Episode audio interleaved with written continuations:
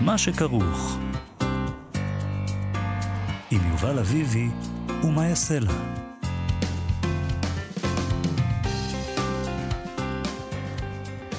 שלום, צהריים טובים, אנחנו מה שכרוך, מגזין הספרות היומי שלכם בכאן תרבות, מאיה סלע ויובל אביבי, ב-104.9 וב-105.3 FM. אפשר למצוא אותנו גם ביישומון, באתר של כאן, ביישומוני ההסכתים השונים. איתנו באולפן מפיקת התוכנית תמר בנימין, על הביצוע הטכני תמיר צוברי, שלום לשניכם, שלום מאיה סלע. שלום לך יובל, אנחנו נדבר היום עם הסופרת אדיבה גפן, שהיא גם יושבת ראש מכון גנזים, על תערוכה שנפתחת היום, שהיא פרי של שיתוף פעולה בין מכון גנזים של אגודת הסופרים ומוזיאון ארץ ישראל בתל אביב. לתערוכה הזאת יקראו רפובליקה של נדודים, ויוצגו בה איגרות מהעולם של אתמול, כלומר, התכתבויות, אני אוהבת את זה שפעם קראו לזה איגרות, ולא סתם מכתבים. אז uh, התכתבויות של דור הסופרים העבריים, הסופרים האלה שנדדו בין מרכזי תרבות בערי אירופה בראשית המאה ה-20, אה, וכתבו אחד לשני. מעניין. הסופרים האלה, אתה יודע, גנסין וברנר וכל מיני אנשים... אה, חשובים. ברדיצ'בסקי, אנשים אה, מעניינים שגם יודעים לכתוב. אז הכל מאוד מאוד דרמטי, והם נורא, נורא מיוסרים בדרך כלל, אין להם שקל. אה, הם, הם, הכל... והם לא יודעים מה לעשות עם החיים לפעמים, הם לא יודעים לאן ללכת, יש להם כל מיני אופציות. יש והם... איסורים כאלה יש איסורים. של היהודי הנודד. אה, אז. אנחנו נשמע ממנה מה בדיוק יוצג בתערוכה. אנחנו נדבר היום גם עם הסופר והמתרגם בני מר. בפינה שפה אחת ודברים אחדים, שבה אנחנו מדברים עם מתרגמים על אתגרי תרגום. אנחנו נדבר uh, עם בני מר היום על uh, ספר uh, אנתולוגיה של שירת יידיש, זר שלגים. אה, שיצא בהוצאת אפרסמון והמאה ה-21. אה, זאת אומרת, ה-21, קוראים להוצאה לא המאה ה-21, ה-21. אה, שירה שהוא תרגם מיידיש. ועוד כמה דברים. בכלל אני רוצה לשאול אותו על יידיש. אנחנו נדבר. על יידיש. כן. זה שפה מרתקת. שפה אהובה. לתפיסתי היינו אמורים כולנו לדעת יידיש ולדינו, אני חושב. זה היה המצב, את יודעת, זה תשמע, לתפיס... אני לא יודעת אם לתפיסת... אנחנו כולנו היינו צריכים לדעת ערבית בתור התחלה. בסדר, זה ברור. מהבית, אה, היו כאלה מאיתנו שהיו יכולים לדעת אה, לדינו, תאר לך שפת אם. אה, מדהים, או, או יידיש, גם יידיש. כן. או יידיש. אתה אמרת זה וזה. גם עכשיו, וגם. אני לא יודעת, אין לי לדינו במשפחה, יש לי בסדר, יידיש. בסדר, תלמדי, מה, כיתה א', לומדים עברית לכתוב, ויידיש ולדינו וערבית. בסדר, לי... אין שום בעיה. ולטינית. אה, כי אם אנחנו... אז אה, אני בטוחה שנפתלי בנט, ראש הממשלה, שומע והוא רושם. פרנסי משרד החינוך על זה ברגעים אלה ממש. אנחנו אבל מתחילים, אפרופו הנדודים והיהודי הנודד ואיסורים, עם פרס ברנר. אילן שיינפלד, הוא זוכה פרס ברנר של אגודת הסופרים העבריים לשנת 2021. הפרס uh, מוענק לו על ספרו הנזיר היהודי, הוא יקבל 50 אלף שקלים. עוד פורסם שבועז דנון זכה בפרס ברנר 2021 לספרי ביקורים של סופרים עד גיל 40, זו קטגוריה חדשה כן. שם. ספרי ביקורים של סופרים עד גיל 40, ואנחנו דיברנו על זה פה, יובל, על העניין נכון. הזה של ביקורים, נגיד בספיר, אנחנו לא רוצים להיות מואשמים בגילנות, אבל uh, אתה יודע, ביקורים שניתן לאדם בן 60, האם זה ביקורים באמת? זאת אומרת, אז הנה, כאן uh, תחמו את זה. אה, למרות שגם 40 זה לא צעיר. אני מרשה לעצמי להגיד את זה כי אני קשישה, אז אני מרשה שאני יכולה להגיד את זה. טוב, תשמעי, לפחות הם מצאו מישהו בן פחות מ-40 שכתב ספר ראוי. כי כזכור, 40, נכון. כי כזכור, uh, בעבר, הם, בשנה הראשונה שהם עשו את הפרס הזה, הם לא הצליחו. הם עשו פרס והם לא הצליחו למצוא לא אף אחד. לא הצליחו למצוא זוכה, נכון. אז באמת זה שיפור דרמטי. אה, נכון. במצב. אז הפרס שיינתן uh, לבועז דנון uh, יהיה עשרת אלפים שקלים. נכון, על ספרו כלשהו כביצה. נכון? נכון, נכון. כלשהו כן. כביצה. אה, פרס ברנר, פרס ותיק מאוד. אה, נחשב ליוקרתי פעם בספרות העברית, היוקרה קצת הפכה שנויה למחלוקת, במחלוקת. הפרס הזה ניתן מאז אה, שנת 1945, כלומר 76 שנים, הוא מוענק על ידי אגודת הסופרים העברים, הוא ממומן על ידי רחל ומשה ינאי. מאז שנת 2010. כן, תמיד הם כותבים את זה. ממומן, מי אלה? מי, על ידי מי זה ממומן, שזה מוזר. כן. אז, אז אמרנו אז לעצמנו, מי באמת, מי אלה רחל ומשה ינאי? עשינו גוגל. נכון. הגענו לוויקיפדיה, ולעוד כמה מקומות. משה ינאי, כפי שכתוב בוויקיפדיה, הוא מהנדס חשמל. ממציא, יזם הייטק, איש עסקים ונדבן ישראלי, הוא הקים כמה וכמה חברות הזנק, סטארט-אפים. בעיתון דה מרקר של שנת כן, 2000... אנחנו לא, לא, לא הסתפקנו בזה בוויקיפדיה, כי בוויקיפדיה זה מאוד מכובס, אתה שמת לב? מה, מה אתה מבין מזה? אני, אני, אחרי הוויקיפדיה אמרתי לעצמי, מה שנשאר לי בראש זה מהנדס. כן. מהנדס חשמל. אז מאיפה, למה הוא תורם לפרס ברנר, ומאיפה, למה? אה, מי. שהקים כמה וכמה אה, חברות הזנק, זה כבר נותן איזשהו רמז קטן. זה מראה לך שאני לא מבינה כלום. וגם כתוב פה נדבן ישראלי. כן, אבל נדבן ישראלי זה מה זה, זה מקצוע? סליחה, גם אני נדבן ישראלי. למי אתה, במסגרת- איפה, באיזה מסגרת אתה? במסגרת הגבולות הכלכליים אה, שלי. הבנתי. אני... שקל נדב- ב- בדיוק, מדי פעם. בצומת. בדיוק. אוקיי. אה, תשמעי, כל אחד עם הכיס שלו. לגמרי. בואי נדבר על הכיס שלהם. אה, אה, בעדינות, ממה שכתוב בעיתון. בעיתון דה מרקר של שנת 2018, זה היה המשך התחקיר שלנו, הוא מדורג מספר 37. 37 ברשימת האנשים הכי עשירים בארץ, הון של 1.4 מיליארד דולר. יפה, משה ינאי, כל לא הכבוד. סתם, עוד מהנדס חשמל. וגם לא נדבן ישראלי בגבולות שלי, הוא נדבן ישראלי אחר. אמיתי. זה היה לפני ארבע שנים, 2018, אולי מאז הוא כבר אה, גדל, או שהוא אולי הפסיד כמה שקלים. זה לא נראה דרמטי כשיש לך 1.4 מיליארד דולר. בכל מקרה, אה, קראנו שב-2010 הוא כבר תרם 40 מיליון שקלים לטכניון, לקידום מצוינות בתחום האקדמי, והוא גם תרם סכומים לא מבוטלים לחקר ציפורים. חקר ציפורים. אז יש לו תחומי עניין אה, מגוונים, לא רק בספרות הוא מתעניין. אני, אני מאוד מעריכה את זה שהוא תרם לחקר ציפורים. הוא. נשמע לי אדם מאוד מעניין, אם אני לא מעוניינת טועה- לפגוש אותו. אם אני לא טועה, הוא תרם לחקר אה, אה, בתי גידול של, של דוכיפת. דוכיפת, נכון, זה מה שהיא שקראנו. הציפור הלאומית תקשיב, הישראלית. אה, אני חי- חייבים לפגוש את האיש הזה. אה, אנחנו תמיד אומרים, אה, אנחנו תמיד תוהים פה בתוכנית, איפה כל המצנטים, איפה כל הנדבנים, למה הם לא באים להציל את הספרות העברית? איפה זלמן שוקן שטיפח את שי עגנון, את, את מרטין בובר, את גרשום שולם? למה העשירים כבר לא מתעניינים בספרות ובסופרים? אתה יודע, הם עברו לקנות אומנות, אבל לקנות אומנות זה לא נקרא נדבנות, כי זה, אומנות כבר יש לה ערך כלכלי, אז בסך הכל, הם משקיעים את הכסף שלהם באומנות, זה לא הכוונה, זה לא מצנטים. והנה, יש לנו כאן את משה ינאי, שאני מניחה שהוא פשוט מציל את פרס, פרס ברנר, כי יכול להיות שאחרת לא היה איך לתת אותו. אה, זה מאוד מאוד יפה מצידו. אה, אם כי, אני לא יודעת מה ברנר עצמו היה חושב אה, על המקרה הזה. הוא היה מקווה שיהיה לו איזה נדבן ישראלי בזמנו, שהוא אפילו חיזר על הפתחים של כמה נדבנים כן, הוא היה ישראלים. שמח לפגוש את משה ינאי. כן, טוב. אה, חן חן לך, משה ינאי. אה, בכל אופן, שופטי פרס ברנר השנה היו פרופסור זיווה שמיר, פרופסור ניצה בן דב, שהיא גם כלת פרס ישראל של השנה שעברה, סגנית אה, יושבת ראש אגודת הסופרים דוקטור דורית זילברמן, גם הייתה שם, אה, וכמשקיף, מסתבר שיש משקיף. שימש מאיר עוזיאל, שמרכז את הפרס הזה. אנחנו גם נקרא קצת מנימוקי הפרס. בואו נחזור לספרות, בסדר? יאללה. זה מה שחשוב. חבר השופטים נתן את הפרס לנזיר היהודי אה, שכתב אילן שיינפלד, והם כתבו, כשאומרים אנוסים, אנחנו מיד חושבים על אנוסי ספרד ופורטוגל. אילן שיינפלד, ברומן אב כרס, עשיר פרטים ורב דורי, מרחיב את תודעתנו ומספר על חיי האנוסים בדרום אמריקה. ונימוקי השופטים לבועז דנון על ספרו כלשהו כביצה שיצא בו... כל שהוא כביצה. כן, שם מעניין. מאוד. אני לא הייתי בטוח שככה אומרים את זה, אבל נדמה לי שאמרנו את זה נכון. כלשהו, איך עוד אפשר להגיד את זה? לא יודע, כלשהו כביצה. כביצה. כן. הוא יצא בהוצאת פרדס. וככה הם כתבו עליו.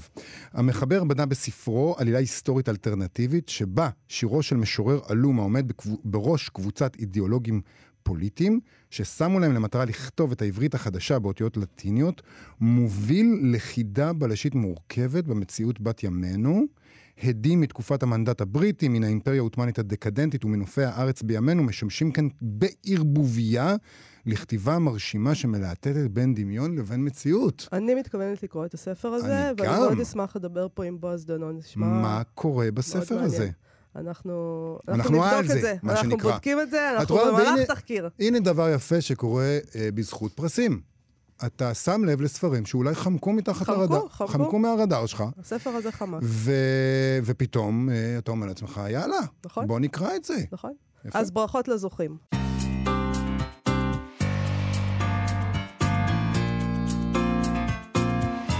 היום תיפתח התערוכה רפובליקה של נדודים, שהיא שיתוף פעולה של מכון גנזים ומוזיאון ארץ ישראל בתל אביב, ובה יובאו בפני המבקרים מעט מאוצרות גנזים מה, מה זה רפובליקה של נדודים? מי הם הנודדים?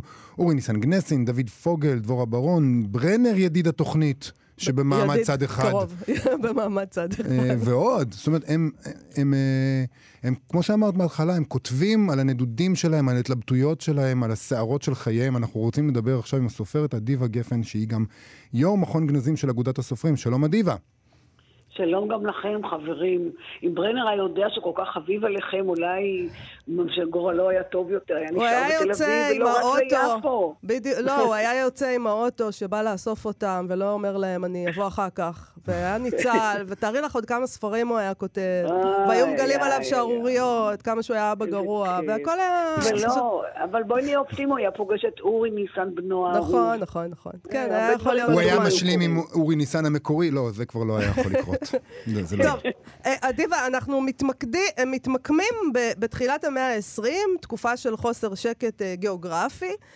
לספרות העברית אין מרכז רוחני, והאנשים האלה מסתובבים נעים ונדים בעולם, היהודים הנודדים. תספרי לנו, מה, מה הם כותבים שם? תראי, אנחנו מדברים בעיקר לא על כתבי היד שלהם, לא על היצירות, אנחנו מדברים בעצם על התקשורת. כן. איזושהי רשת חברתית שנוצרת שם, שנעה ונדה באמת בין המרכזים הגדולים של אירופה, וזה פשוט פנטסטי לראות, זה מתחיל בווינה ווילנה וברלין ולונדון ופריז וורשה וחוזר חלילה ושוב לוורשה ושוב איזשהו באמת חוסר שקט, והם כותבים, הם גם עוסקים בכתיבה, מוציאים עיתונים בתקופות האלה, עיתונים נפלאים. כמובן שהמעורר שיוצא בלונדון הוא הדוגמה הכי טובה. בעברית, עברית מצוינת, משובחת.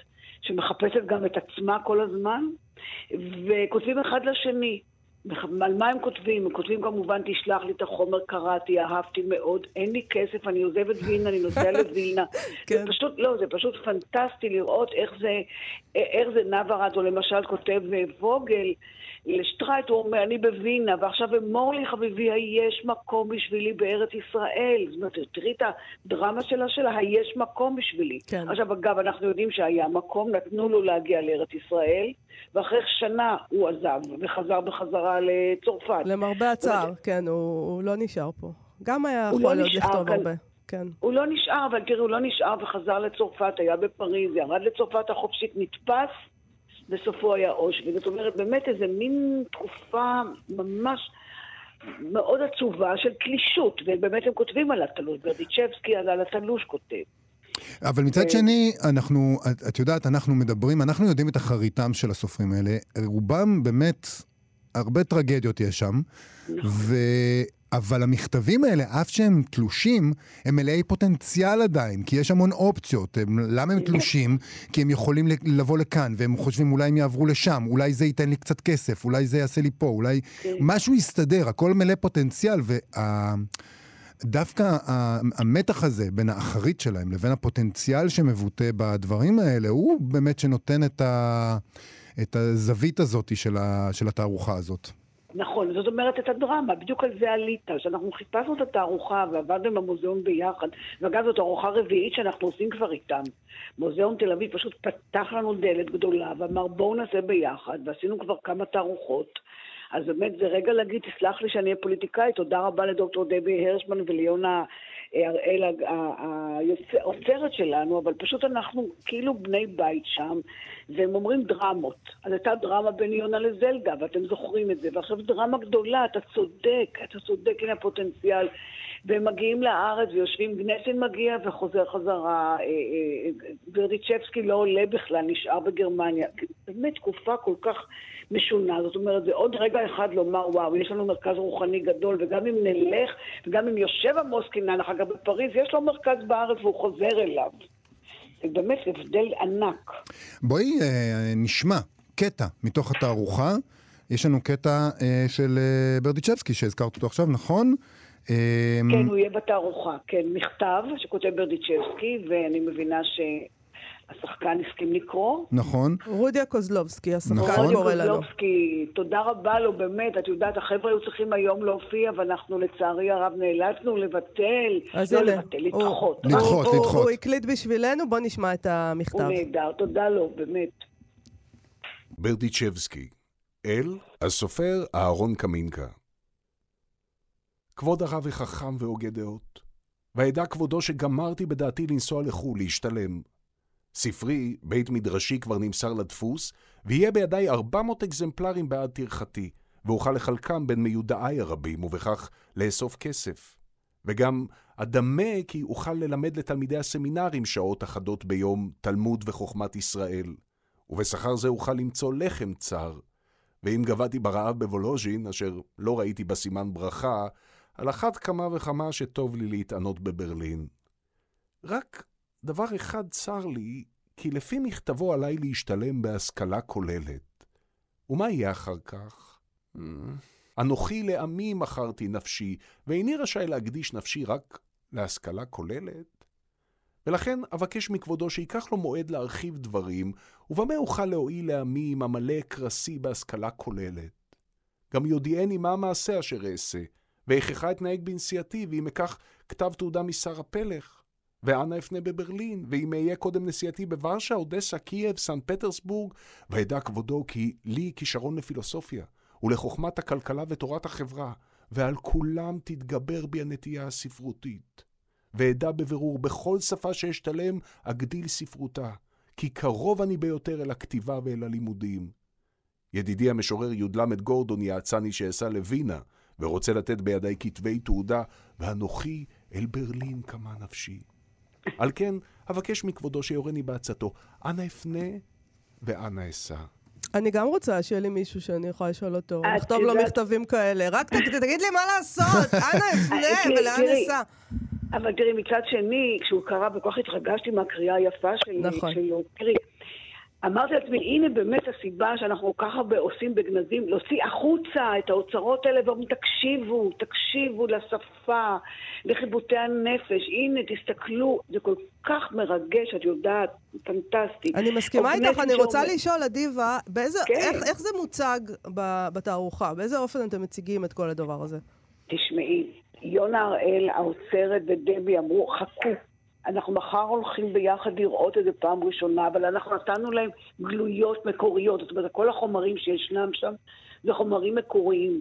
גלויות של דבורה ברון ודבורו של פוגל, יומנים של פוגל, הכל מקורי שיוצג שם, ממש לקהל הרחב, עם הקלטות שהם עשו גם כן מאוד יפות, והקהל יוכל לראות באמת דברים שנכתבו לפני 120 שנה.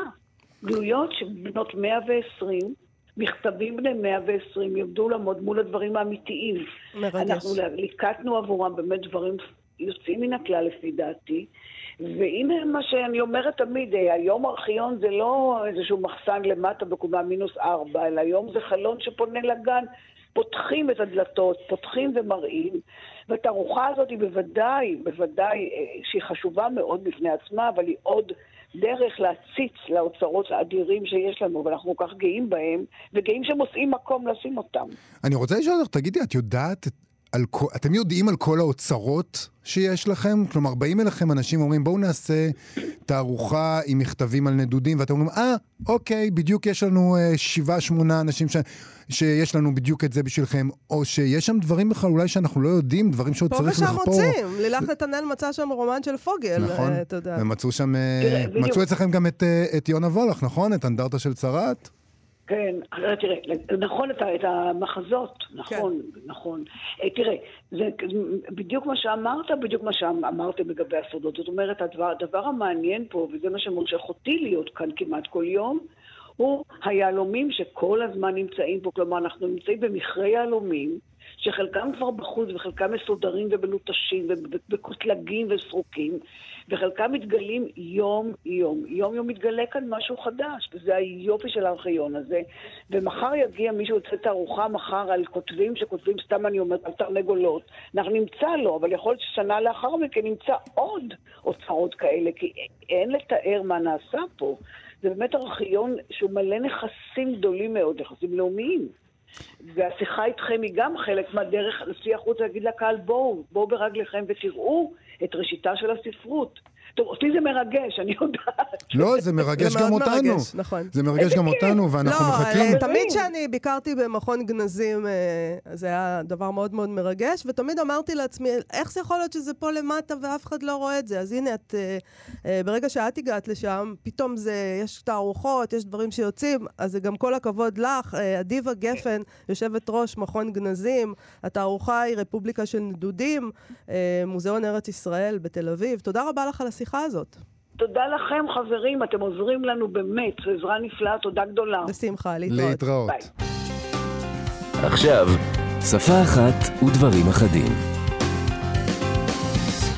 מה שכרוך בכאן תרבות, מגזין הספרות היומי שלכם, ואנחנו, כאמור, עם הפינה שלנו, אה, שפה אחת ודברים אחדים, שבה אנחנו מדברים עם מתרגמים על אה, כל מיני סוגיות של אה, תרגום שעולות אצלם. לאחרונה ראה אור בהוצאת אפרסמון וה-21, הספר זר שלגים, מדובר באנתולוגיית שירה רחבת יריעה, 150 שירים משירת היידיש המודרנית, שכתבו 55 משוררים ומשוררות. בשלושה מקומות יש חלוקה גיאוגרפית, אירופה, אמריקה וישראל. את האנתולוגיה הזאת ערך ותרגם בני מר. בני מר הוא סופר ומתרגם שתרגם יצירות רבות מיידיש, אבל גם מצרפתית. הוא כתב uh, גם את הספר הנהדר סמוצ'ה, שיצא בשנת 2018. הוא גם חתן פרס מנדל למוכר ספרים על פועלו ותרגומיו, ואיתו אנחנו נדבר היום על יידיש, תרגום מיידיש. שלום בני מר. שלום, שלום, תודה. Uh, בני, יש תמיד את האמירה הזאת שביידיש זה נשמע יותר טוב. Uh, אז מעניין אותי עד כמה קשה לתרגם מיידיש יותר משפות אחרות, לפחות במובן הזה של הפלפל שיש בשפה הזאת. כן, אז אה, קודם כל בעניין האמירה הזאת, אז כביכול היא מחמיאה בעצם, אה, אה, מחמיאה בעצם לשפה, לשפת היד, ליידיש, אבל אני חושב ש... או מחמיאה, או בעצם מקלסת בשני המובנים, אבל כן. אני, יש, בזה, יש בזה איזה מין משהו מאוד מאוד tricky, מפני שכשאת... כשאת אומרת שביידיש זה נשמע יותר טוב, את אומרת גם שאי אפשר לתרגם. כלומר, שכל המאמצים בעצם לעולם לא יצליחו. ו, ובעצם אני, אני חושב שזה, זה, אנחנו, זה בעצם נותנים יד לאוזלת יד. כן, ו, כן. וזה אומר שבעצם לא כדאי גם לנסות, כי, כי ממילא, ממילא התוצאות יהיו עצובות. אה, ו, ואז פשוט אני אומר שלא, בעצם ליידיש יש את הקשיים שלה, יש את האתגרים שלה. אבל אה, היא לא, אה, אפשר לתרגם ממנה לא פחות משאפשר לתרגם מכל שפה אחרת. ממש אבל- כך. אבל זה גם נותן את התחושה הזאת שיידיש זה כזה קוריוז.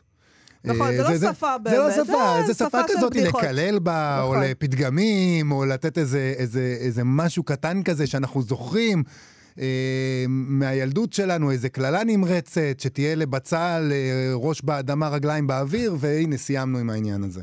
בדיוק, בדיוק. זאת אומרת, אה, אני חושב שזה בעצם מלכתחילה מקטין את כל היחס לשפה הזאת, והשורשים של הבצל הזה הם מאוד מאוד קדומים. כלומר, אנחנו ממש חוזרים למאה ה-18 להשכלה, כשראו ב- ביידיש, אה, קראו לה ז'רגון, וראו בה איזה מין שפה שהיא בעצם יאה לדלת העם או לפשוטי העם.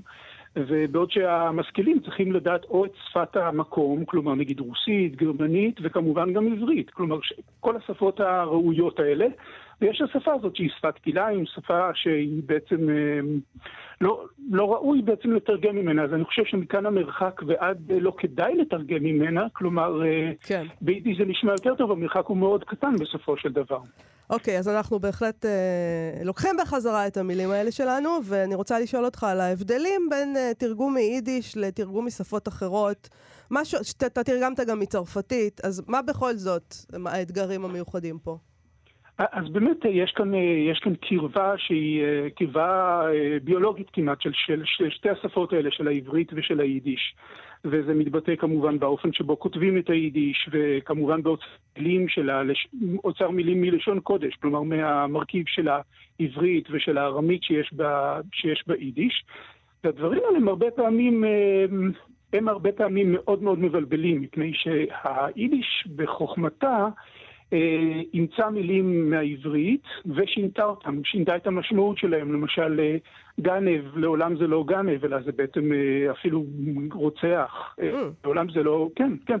אה, עכשיו נגיד עיניים, כשאומרים למישהו שיש לו אפור עיניים, בניגוד למישהו שיש לו אויגן, אז uh, יש לו עיניים גדולות. כלומר, היידיש לא רק, לא בעצם כיבדה את הלשון הקודש הזה, את, ה, את העברית ה, הנשגבת הזאת, אלא להפך, היא נתנה לה איזה מין תפקיד כזה, קצת כזה של, uh, בעצם של שפה ש, ש, פונים לאנשי שלומנו, כלומר לאנשים שמבינים, והעיניים הפכו לעיניים גדולות, וכשאומרים ידיים, הכוונה לידיים גנבות, אלה ידיים שגונבות וכן הלאה וכן הלאה. זה קצת מזכיר את מה שאנחנו עושים ליידיש בימינו. אנחנו משתמשים בכל מיני, גנבנו מיידיש כל מיני דברים שהמשמעות שלהם קצת שונה, אנחנו משתמשים בזה אולי טיפה אחרת ממה שהם התכוונו.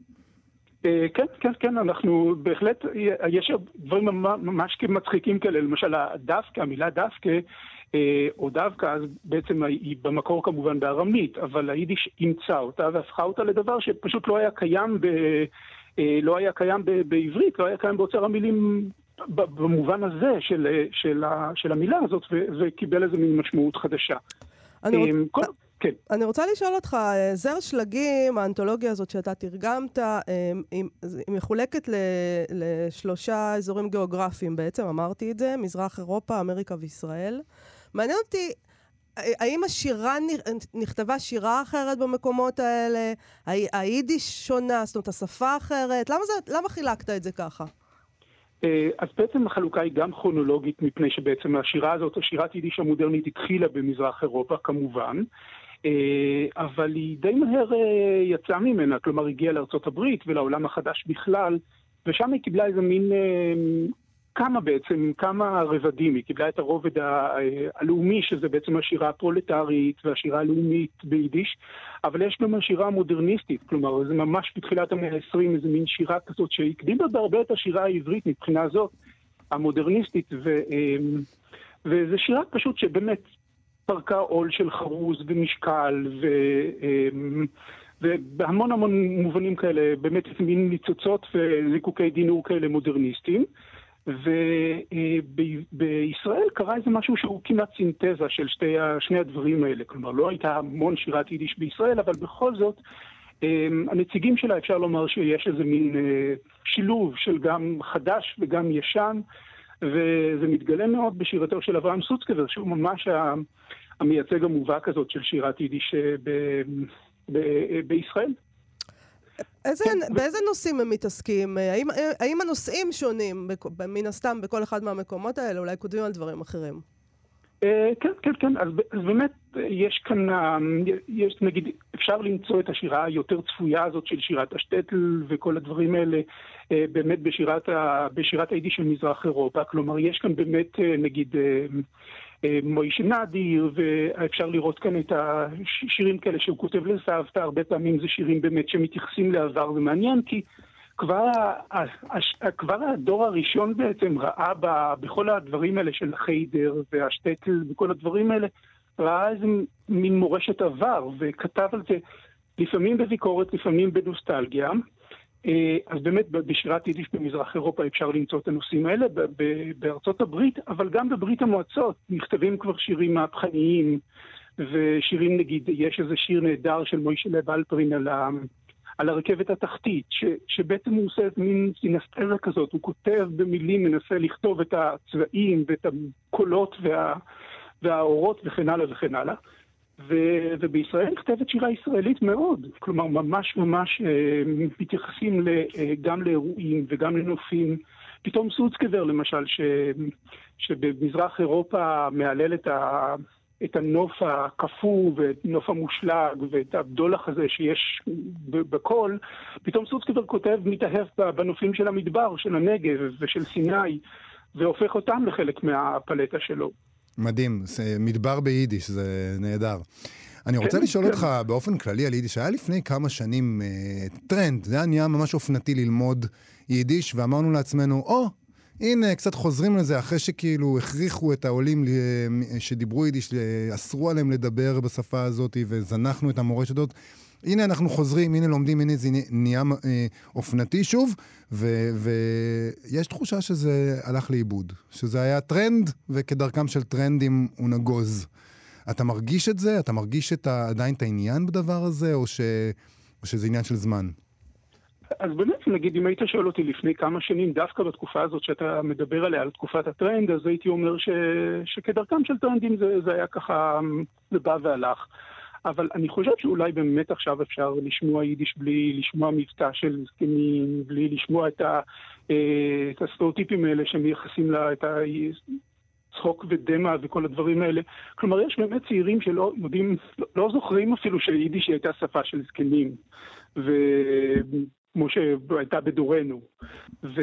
ואולי באמת יש איזו מין אפשרות לראות אותה, לקרוא אותה בצורה נקייה, לקרוא אותה כאילו היא שירה בפינית, אה, משירה מתורגמת, שירה ב... אפילו במקור, ב... ב... ב... בכל שפה אחרת בעצם. בלי ה... בלי הקרבה המתעתעת הזאת שיש, שיש לנו ב, ביחס ליידיש. היחס הציוני בעצם ליידיש, שהיה יחס של אל תדברו לנו פה יידיש עברית, דבר עברית, ו- ו- וזה גלותי, וכל הדבר הזה שהמציאו פה. בדיוק, בדיוק, בדיוק. ו- ואני חושב שגם אנשים שמתייחסים ל- ל- למסרים האחרים, למסרים האחרים האלה בחשדנות, או מטילים ספק בהם, גם הם, אנחנו ירשנו את כל, ה- את כל המטען הזה. נכון. ו- ואנחנו... ואם לחזור לשאלה הזאת של מה בכל זאת יש אה, ביידיש בקרבה הזאת, אז באמת יש דברים שאנחנו מעסיקים גם אותנו.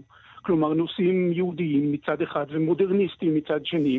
כלומר, איך להיות יהודי בעולם חדש, עדיין חדש. כלומר, מאה שנים אחרי שרבים מהשירים האלה נכתבו, עדיין השאלות האלה נורא רלוונטיות. אה, אני, אני רק רוצה, לסיום, אני, אני מבינה שבקרוב מאוד, uh, אתה, אתה, אתה כנראה היית מאוד עסוק לאחרונה, אז בקרוב מאוד יצא ספר פרוזה שתרגמת, uh, ורשה היהודית, נכון? כן, מה? כן, זה, זה, כן. בוא תספר לנו קצת, רק שנטעם מזה. זה משהו אחר לחלוטין, ממש לא שירה, מאוד מאוד פרוזאי. זה מין ספר שנכתב בסוף שנות ה-40 על ידי מוישה זונשיין, שהוא היה עיתונאי וסופר שחי בוורשה ממש בשנים האלה, בשנים הסוערות האלה של שנות ה-30. והוא אחד הראשונים שבעצם כתב על העיר הזאת אה, כאילו שהוא מנסה להחיות אותה במילים. ו, ובאמת אני חושב שאני, אני, כשכתבתי את סמוטשה, את הספר על ביוגרפיה של רחוב, אז אני מצאתי את הספר הזה, והוא היה ממש אה, מקור לא אכזב מבחינתי, כי, כי באמת הוא, הוא, כשקוראים את הדברים האלה פשוט רואים את הדמויות של ורשה אה, הטובות והרעות, ופשוט האנושיות, ו- ופתאום המקום הזה שנראה לנו כל כך רחוק וכל כך מודחק, פתאום הוא קם לנגד עינינו, ומבחינתי ו- זה נס, מבחינתי זה באמת נס במילים. אז אנחנו, אני, אני מחכה לספר הזה, בני מר, דיברנו על זר שלגים, האנתולוגיה שערכת ותרגמת מיידיש. תודה רבה לך על השיחה הזאת. תודה רבה רבה. תודה, להתראות.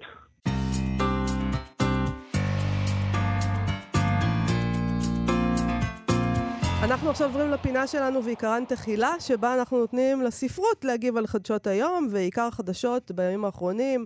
שוב, הוא בעוצמה אה, מגפת הקורונה, והדיווחים בעיתונות טיפה מבלבלים אותי בכל אופן, לא יודעת. לא רק הדיווחים בעיתונות, גם ההנחיות טיפה ההנחיות, מבלבלות. ההנחיות, הדיווחים, זה התחיל בזה שאמרו לנו שגם בדיקה ביתית זה בסדר, ושאנחנו יכולים לבדוק את עצמנו. אה, אתמול מנכ"ל משרד הבריאות אה, אמר שגם אם אדם יוצא שלילי בבדיקה, בבדיקה הביתית הזאת, אבל הוא לא מרגיש טוב, עדיף שיישאר בבית. שזה מזכיר לי את דוק, דוקטור שפר, הרופא המיתולוגי בהרצליה כשהייתי ילדה.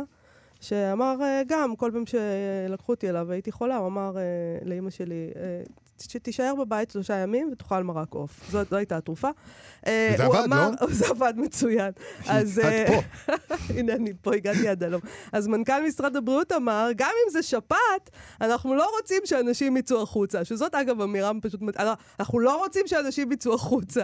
גם לנוכח חוסר הדיוק הזה, אנחנו אומרים לאנשים שיש להם תסמינים, גם אם זה קצת נזלת, קצת שיעול, ובאופן נורמלי היינו ממשיכים לעבוד, במקרה הזה צריך להישאר בבית. כלומר, לצאת בפסח. תקשיב, הרעיון שהוא רוצה, טוב, אני לא רוצה, אני יודעת שזה נושא מאוד מאוד רגיש, עזוב. אה, זה נשמעת לי הוראה מאוד מאוד אה, משונה. אה, בעיקר, אגב, אני, כששמעתי את זה, תהיתי מי יממן את הדבר הזה. האנשים האלה יודעים שיש אנשים שעובדים לפרנסתם. אה, מה זאת אומרת פשוט לא לבוא לעבודה? נגיד, נגיד שהאנשים האלה הם עצמאים, פשוט אל תפתח את המכולת שלך היום, וגם מחר לא, וכי עדיין אתה קצת מצונן. אה, עזבי את זה, להיות... הם אומרים לנו מצד אחד, תישארו בבית אם יש לכם אפילו תסמין ויצאתם שלילי, אבל מצד שני אומרים, בואו נפתח את השמיים. אה, בואו, עזבו את התו, תו סגול אני מהודק. חושבת שיכול להיות, לפעמים אני מרגישה שהאנשים האלה, הם לא מבינים כל כך איך וממה אנחנו חיים. כאילו, איך זה נראה, איך זה בנוי הדבר הזה.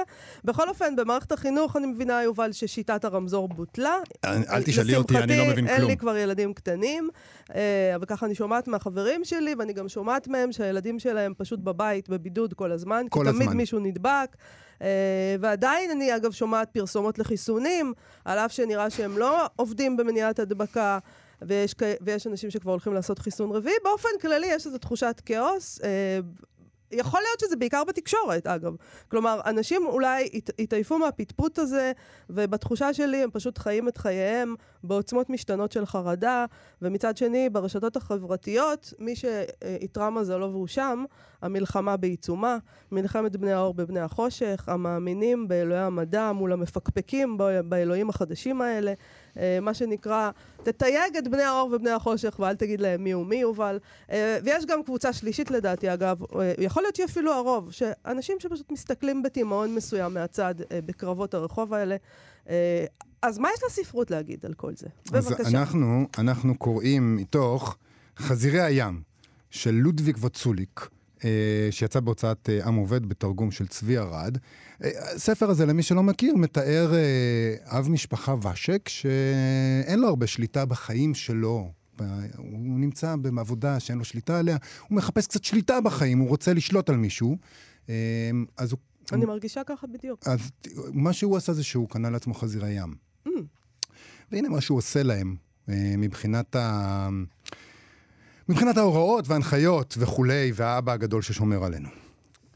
שלחתי יד לכלוב, ומיד קמה שם מהומה גדולה, עד שתפסתי את הגדול שבין חזירי הים, את רופרכט, רופרכט הגברתן, אותו שותה חביב ומבשר צרות. הלכתי לחדר האמבטיה. שוב הייתה שעת לילה מאוחרת, והנחתי אותו באמבטיה. ומים לא היו בה, כי חזירי הים אינם יודעים לשחות. אין הם שוחים, אני מעיר לכם על כך, כפי שהעירו על כך אחרים, לי. על פני השטח הצונן והעוין, בסביבה לבנה משונה עד מיאוס, המתנשאת מכל הצדדים, חידד רופרכט במידה רבה, אפילו עצומה, את ראייתו ושמיעתו. או לא, הוא לא חיכה 15 דקות, אלא כבר לאחר 15 שניות יצא, בקפיצות חמקניות, לבחון את מקומו ומצבו, ואלה לא מצאו חן בעיניו כלל. עד מהרה ראה כי השטח המקיף אותו מתעגל כולו כלפי מעלה, ועל כן בא לאמצעו וישב לו. בתנועות קטועות סקר את הסביבה, בוחן את כולה בבת אחת. אבל דבר זה איני יודע בוודאות. אני מדלג קצת. עכשיו הוא ישב באמבטיה כשראשו, כשראשו זקוף, עיניו קרועות לרווחה שלא כרגיל, הוא חסר לחלוטין דעות ותוכניות. דומם ישב, מחכה כולו דרוך על כל העשוי להגיע לאוזניו. אוזניו נעו ונחיריו הרטיטו עם כל נקישה קלה על האמבטיה, עם חריקר, חריקת נעל על המרצפות, עם כל בליעתי הכבדה והנשמעת בבירור. הוא שתק. האם הכיר אותי? הלא חייב היה להכירני. אך הוא לא קם ולא קרב אל מכרו כדי לקרוא לו ממעקים. היי ושק, האם אתה כאן?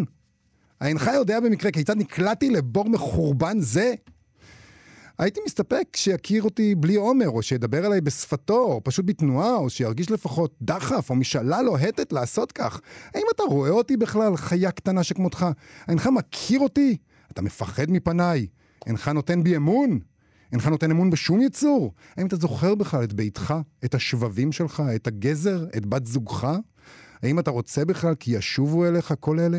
היודע אתה מה יכל לקרות עכשיו? אינך רוצה אפילו לנסות לקפוץ את 50 הסנטימטרים לגובה? איפה שמעת דבר כזה, שהנמצא בין סלעים אינו מיילל והנופל לתהום אינו קורא לעזרה? מדוע אינך יוזם כל עוד כוחך עמך את פעולות ההצלה המטורפות ביותר?